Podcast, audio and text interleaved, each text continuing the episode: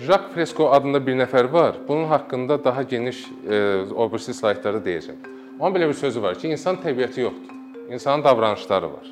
Və o davranışlar dövrə görə dəyişir.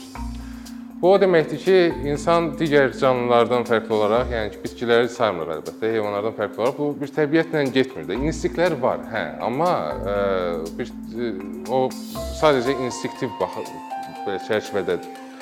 Amma ümumi götürəndə davranışları var və bu davranışlar dövrə görə dəyişə bilər. Və bu dəyişən davranışlar müəyyən bir tələblər ortaya çıxardır. Eyni zamanda müəyyən tələblər dəyişdiyinə görə davranışlar da dəyişmiş olur.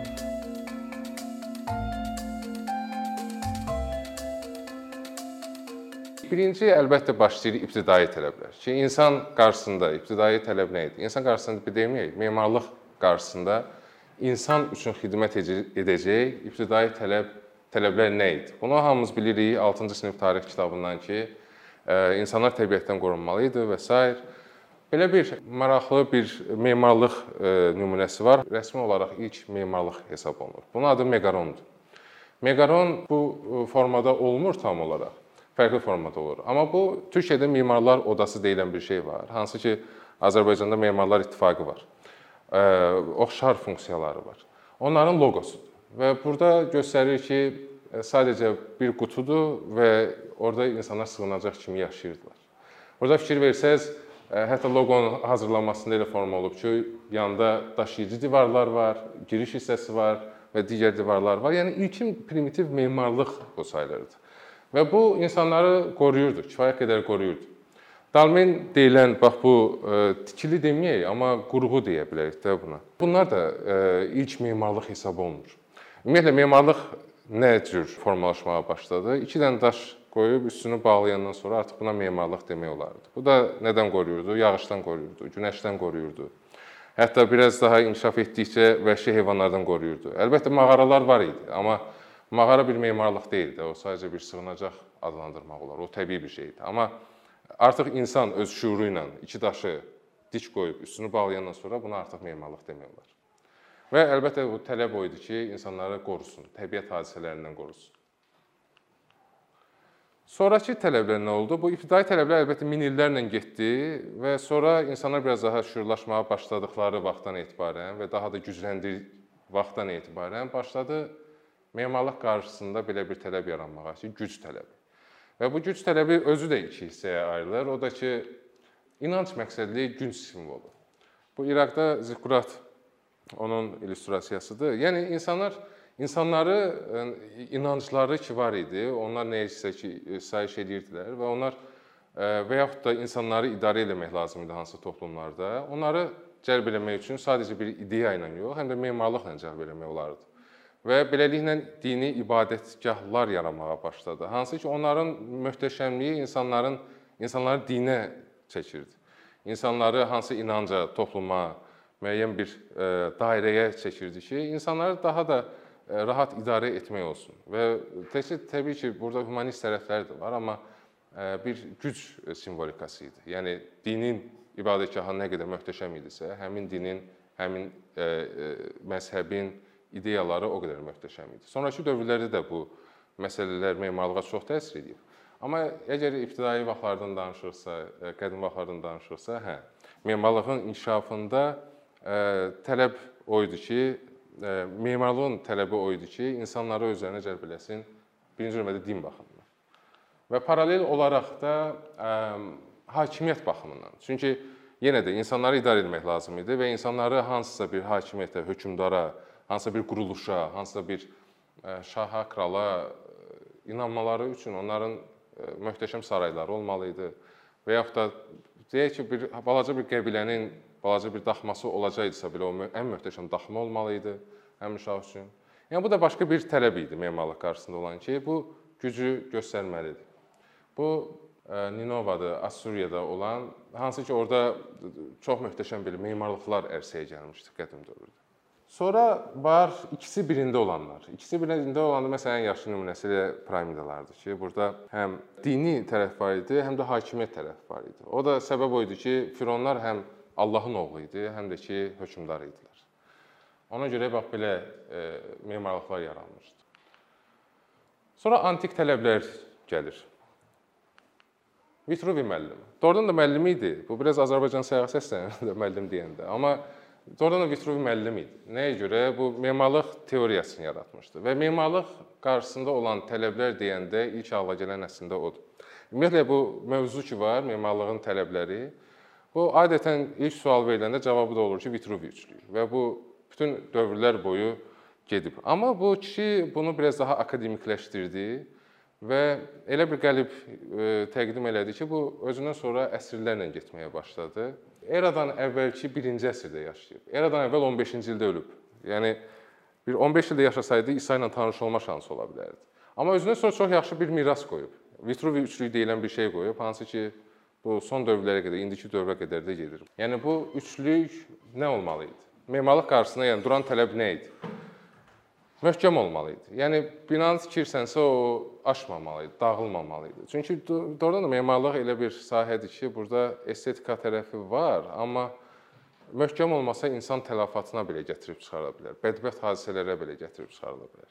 Yəni bu müvəqqəti bir şey deyil. Düz indi var, pavilyonlar var, müəyyən ekspolarda filan müvəqqəti tikilir və sökülür filan beşmişə, amma o demək ki, o möhkəm olmalı deyil. Yəni möhkəm olmalıdır. Orda insan təhlükəsi, insan üçün təhlükə olmamalıdır. Bu hələ eradan əvvəl 1-ci əsrdən qoyulmuş qanun idi. Əlbəttə ondan əvvəl də bu məsələ var idi, amma bu daha akademik səviyyədə baxırdı. Funksional olmalıdır. Bu nə deməkdir? Yəni əgər bir insan ev istəyirsə, ona hansı konsert salonunu verə bilmərsən, sən get orada yaşa. Evdən daha böyükdür, amma şəraiti o şərait deyil. Yataq otağı yoxdur, səhnəsi var və yaxud da nə bilim, lazım olan şeylər yoxdur. Və yaxud da əksinə bir e, böyük bir zal, belə bir zal lazımdırsa, balaca bir e, pavilyon ora bəs eləmir. Yəni funksional olmalıdır, öz funksiyasına işləməlidir. Və bu illüstrasiya yəni mexanizm kimi işləməlidir. Əslində memarlığın əsas prinsiplərindən biri odur ki, o maşın kimi işləsin. Funksionalist memarların da yanaşması həmişə elə olub ki, e, bina maşın kimi işləməlidir. Yəni həyat maşını olmalıdır. Bu sadəcə bir tikili, bir büt, hansısa bir heykəl olmalı deyil. Bu işləməlidir. İçərisində motor kimi həyatı təşkil edən o çarxlar fırlanmalıdır və işləməlidir. Və gözəllik. Yəni bu üçlük, üçlük ki var, möhkəmlik, funksionallıq və gözəllik. Bunlar ə, uzun müddət ərzində memarlığın qarşısında olan əsas tələblərdir. Yəni bina gözəl olmalıdır. İstər-istəməz, yəni fərqi yoxdur, təyinatı nədir, amma gözəl olmalıdır. Nəyə görə gözəl olmalıdır? Çünki insanın instinktiv bir tələbatıdırmı bilmirəm, amma insanın tələbatı vardır. Yəni gözəl olana baxmaq istəyir insan. Həmişə onu axtarır. Həmişə onun uğrunda mübarizə aparır. Və ümumiyyətlə bunun qədim belə Yunan adları var. Utilitas firmitas Venusas gedir adları. Çox məşhurdur. Yəni memarlıq teoriyasında hər kitabda demək olar ki, bu məsələ var. Və gözəllik ki var Venusas, Venera, yəni gözəllik ilahəsi, yəni oradan gəlirdi o məsələlər. Yəni bina gözəl olmalıdır. Bir nəfər 19-cu əsrdə dedi ki, John Ruskin adında bir adam, memarlıq tikililər üçün bərbəzəkdən başqa bir şey deyil. Yəni nəyə görə belə bir yanaşma çıxmışdı? Bu tənqidçi idi bu adam. Fikir verirsiniz əsrləri 19-cu əsrə qədər demək olar ki, Vitruvi üçlüyü gəldi. Memarlığın qarşısında duran əsas tələblər o üçlüyü oldu. Amma bu kişi dedi ki, ehtiyac yoxdur da ona. Yəni gözəl gözəllik sadəcə bərbəzəkdir. Yəni gözəlliyə ehtiyac yoxdur.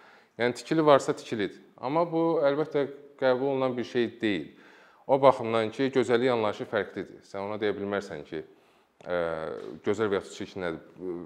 Çünki sonrakı dövrlərdə artıq bu ideya daha da inkişaf eləməyə başlayır və memarlar gözəllik anlayışına fərqli baxmağa başlayır.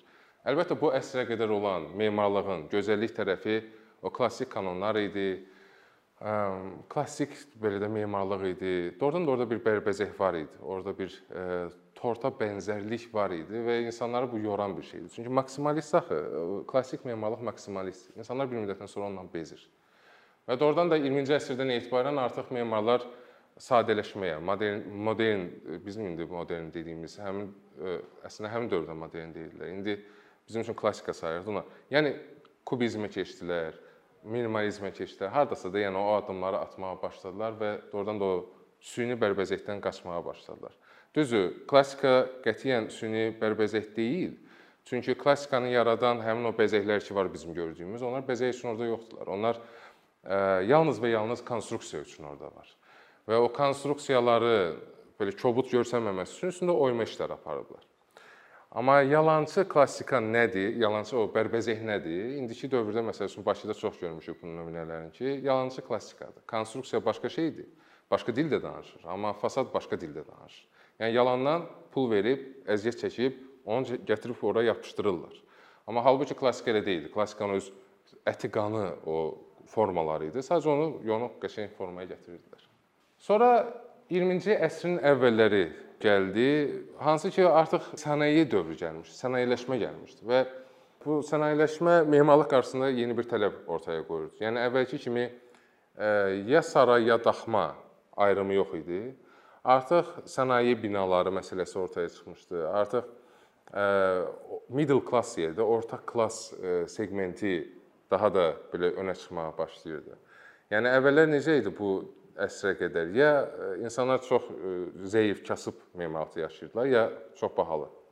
Amma artıq ekonom tələblər yaranmağa başladı. 20-ci əsrin o sənayeləşmə dövrü yeni bir mərhələ açdı və memarlıq qarşısında da tələblər dəyişməyə başladı və kapitala nəzarət məsələsi gəldi və maliyyə mühəndisliyi məsələləri yavaş-yavaş belə də tumurcaqlamağa başladı. Value engineering deyilən bir şey var da.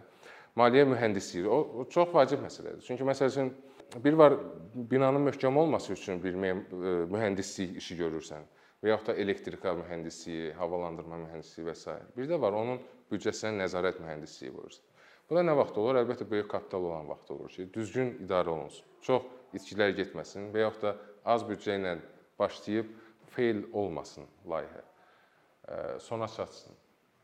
Və saraylardan qaçış məsələsi var idi. Baxın, həminki o məsələdir. 19-cu əsrin sonunda bayaqçı qardaş deyirdi ki, yalançı Berbezeh var idi. Hə, onun fikirləri hardasa sonrakı dövrlərə bəlkə də təsir edib. Çünki 20-ci əsrin əvvəllərində artıq saraylardan qaçış məsələsi var idi. Baxın, bu bina Ustad adlana biləcək memar fransız memar, amma İsveç əsrli Karbüzyenin layihəsidir və o Sovetlər sarayı üçün belə bir layihə vermişdi. Təsəvvür edin, Sovetlər sarayı üçün. Yəni Sovet hökumət belə deyək, Sovetlər hökumət binası tikmək istəyirlər və ümumdünya bir konkurs keçirdilər, beynəlxalq konkurs keçirdilər. Ora çox əcdaha memarlar qoşulmuşdular. Karbüzye, Gropius, nə bilim, osu busu. Çox maraqlı layihələr var idi. Və öz kitabında Karbizye yazır ki, e, biz bezmişdik həmin vaxt saray məsələsindən. Hətta konkursun adı o idi ki, Sovetlər sarayı bizim ürəyimiz bulanırdı ki, dayı nə qədər olar da saray? Olmamalıdır. Hökumət evi qoy modernist olsun, qoy müasir bir şey olsun və öz e, belə deyək, müqəddəratını bu formada həll eləmiş olsun. Day saray, saray, saray qaldı köhnə dövrdə. Və nəticədə seçilən layihə bu olmuşdu. Təsəvvür edin, həmin o konkursa Yəni o boyda əjdaha memarlar, modernistlər belə deyək, e, yeni çağ yaradan insanlar layihələr vermişdi və yenə də saray tikilmişdi. Amma bilmirəm xoşbəxtlikdən yoxsa bədbəxtlikdən həmin bina tikilə bilmədi, qismət olmadı. Kotlovan qazıldı, belə deyək, xəndək qazıldı. Müharibə başladı. Dünya müharibəsi başladı və binanın tikintisi e, işləri yarımçıq qaldı. İndi həmin ərazidə hovuz var. Səhv eləmirəmsə, hə, hovuz edir. O xəndəyin yerində. Moskvada üstü açıq bir hovuz olmalıdır. Sosial tələblər. 20-ci əsrin ortaları. Getdikcə necə ki 20-ci əsrdən bu yana həyat çox sürətlənir. Həm də ki o tələblər də getdikcə daha da sıxlaşmağa başlayır. Fikir versiniz, lap ibtidai dövrdən başladıq, antik dövrə keçdik, sonra gəldik çıxdıq 20-ci əsrə Yəni arada böyük-böyük kusoklar var, intervallar var və sonradan 20-ci əsrdə, 20-ci əsrin əvvəlində fərqli bir şeylər, tələblər əlavə olunur. Memarlıq qarşısında olan tələblərə, ortalarında başqa tələblər olur. 20-ci əsrin ortasında nə baş vermişdi? Dünya müharibəsi bitmişdi və artıq sosial evlər və sair məsələləri ortaya çıxmışdı. Yəni insanların dağılmış şəhərlərdən didərgin düşməsinin qarşısı alınmalı idi yalnız və yalnız sosial layihələrlə ki, tez başa gələn olsun, ucuz başa gələn olsun, hökumətlər bunu tikə bilsinlər. Kompakt olsun və insanlar dərhal evləri ilə təmin oluna bilsinlər. Hansı ki, bu əslində indi bizim də başımıza gəlir, Qarabağa qayıdışla bağlı. Orada da əslində sosial evlər tələbatı var. Düzü, o formada adlanmır, amma hardasa sosial evlər olmalıdır ki, birinci partiya insanlar köçə bilsin. Çünki tez başa gəlməlidir, ucuz başa gəlməlidir.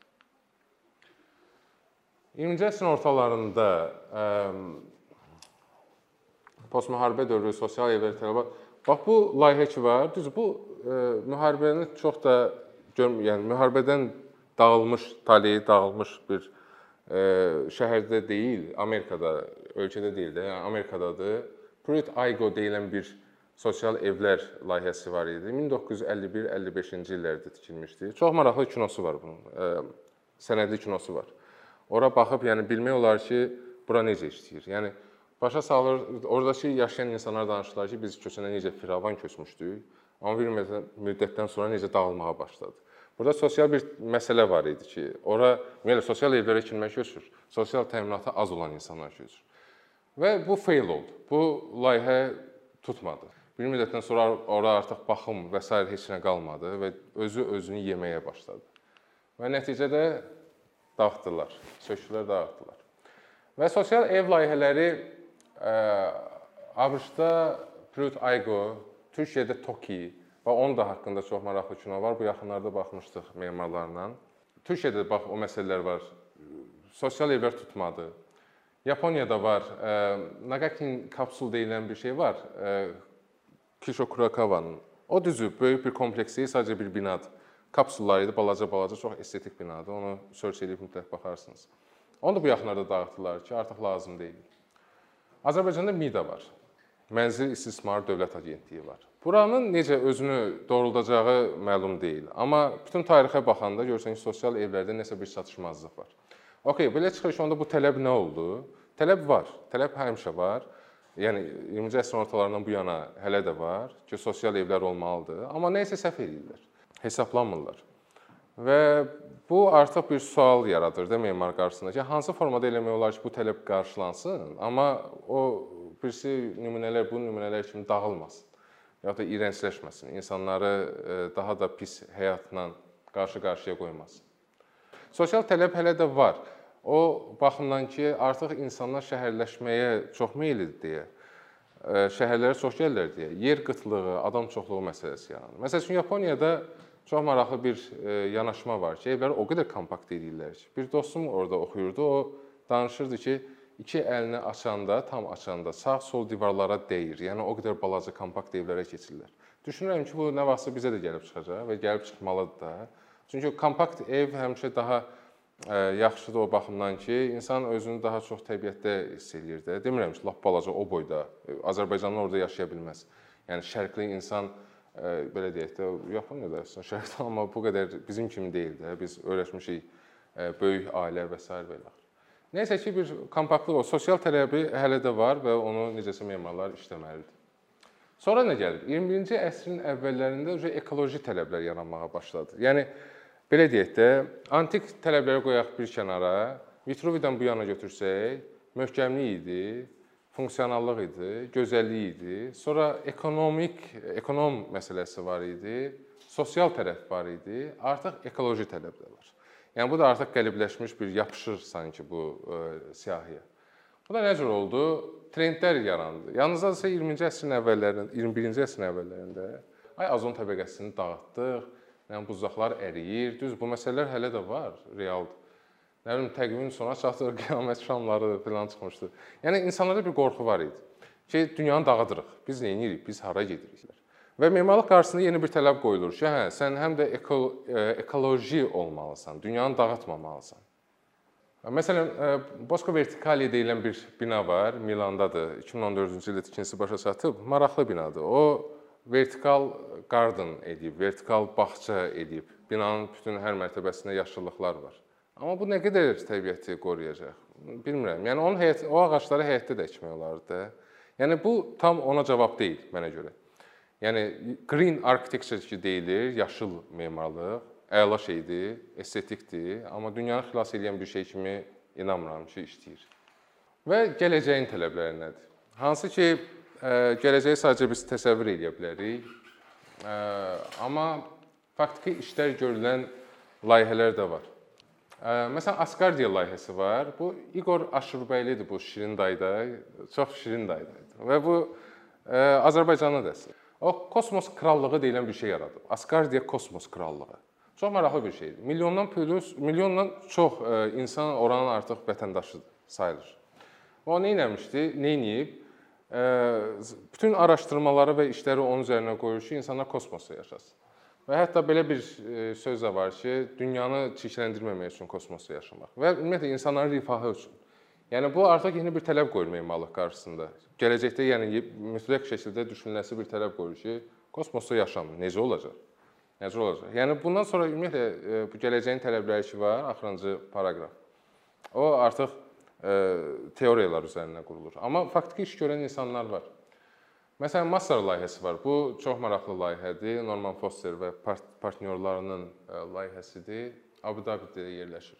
Karbon neytral və sıfır tullantı şəhəri. Bu elə bir şəhərdir ki, burada ə, heç bir enerji kənardan alınmır, heç bir su, elektrik, qaz və yaxud başqa e, təbii e, sərvətlər kənardan alınmır. Hamısı öz üzərinə istehsal olunur və heç nə kənara atılmır. Və bütün o zirzibil hamısı öz içərisində əridilir, istifadə olunur bir enerji kimi. Və bu da insanların rifahı üçün tuşlanmış bir layihədir. 2014-də bitməsi planlaşdırılırdı, amma mən bilən hələ də bitməyib və üzərində işlər gedir.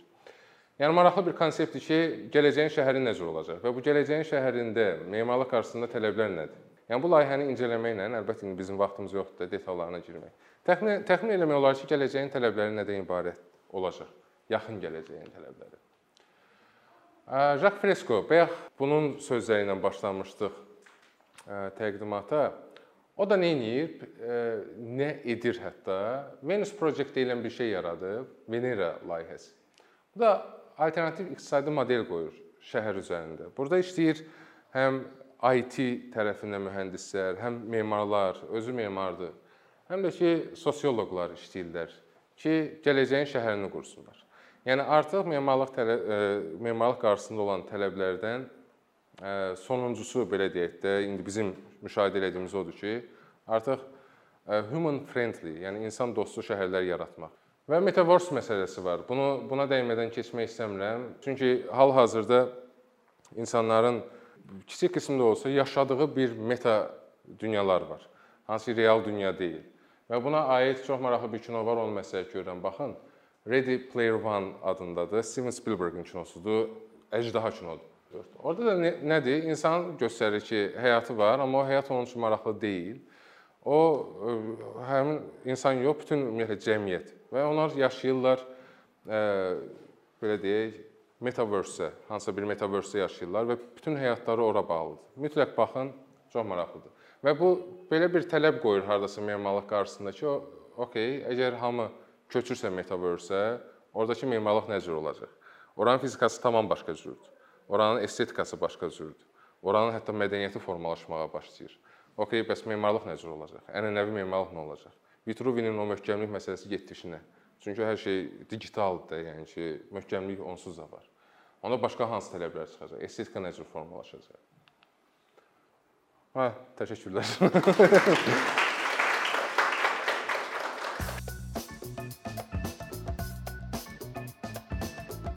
Bir neçə ildir ki, əkinçi olaraq Azərbaycanlı izləyicilərin hər zaman faydalana biləcəyi keyfiyyətli və ən əsas ödənişsiz kontent hazırlamağa çalışırıq. İndiyədək təqdim etdiyimiz onlarla animasiya və yüzlərlə çəkilişlər tələbələrin, mütəxəssislərin, müəllimlərin və ümumiyyətlə yeni mövzulardan xəbərdar olmaq istəyən çox sayda insanın marağına səbəb olub. Bu illər ərzində hazırladığımız videolar təhsil, texnologiya, ictimai fəallıq, iqtisadiyyat, gender bərabərliyi, ətraf mühit, ifadə ifadə azadlığı, hüquq, demokratik inkişaf, mədəniyyət və digər mövzuları əhatə edib. Məqsədimiz çoxlu baxış gətirən deyil, çoxlu fayda gətirən videolar hazırlamaqdır. Amma bu düşündüyümüz qədər asan deyilmiş. Gördüyümüz iş kifayət qədər resurs, əmək və təbii ki, davamlılıq tələb edir. Bu səbəbdən Patreon platformasından istifadəyə başladıq. Əkinçinin Patreon hesabının populyarlaşmasına çox böyük ümidlərimiz və gözləntilərimiz var.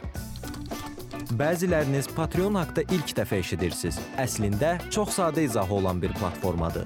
Təsəvvür edin ki, siz rəssam və ya musiqiçisiniz. Sosial şəbəkələrdə sizi izləyən, işinizi bəyənən çox sayda insan var. Patreon platforması sizə imkan verir ki, izləyicilərinizin könüllü aylıq ödənişləri sayəsində işinizi davam etdirəsiniz. Sərgi, konsert zallarından asılı qalmayasınız. Amma bu təkcə rəssam və musiqiçilərə aid deyil. Məsələn, əkinçiyə bənzər fəaliyyətlə məşğul olan bəzi layihələrin 10 minlərlə patronu var. Biz də düşündük ki, nə üçün əkinçinin Patreon hesabı olmasın? Sizin dəstəyiniz sayəsində biz daha çox və daha keyfiyyətli kontent yaratmağa davam edə biləcəyik. Amma bu dəstək yalnız maddi dəstək deyil. Dəstəkçilərimizin sayının artması gördüyümüz işlərin faydalı olduğuna dair əminlik verir. Patreon platformasından istifadə çox sadədir. Hesabınızı açırsınız, sizə uyğun dəstək növünü seçirsiniz və Patreon özü hər ayın ilk günü kartınızdan seçdiyiniz dəstək növünə uyğun ödəniş tutur. Bu qədər. Sonda onu demək istəyirik ki, dəstəkçilərin sırasına qoşulmaq istəyən, amma məhdud imkana görə bunu edə bilməyənlər narahat olmasın. Daha öncə dediyimiz kimi, bizim əsas məqsədimiz daha çox insanın hər zaman faydalana biləcəyi keyfiyyətli və ödənişsiz kontentin yaradılmasıdır.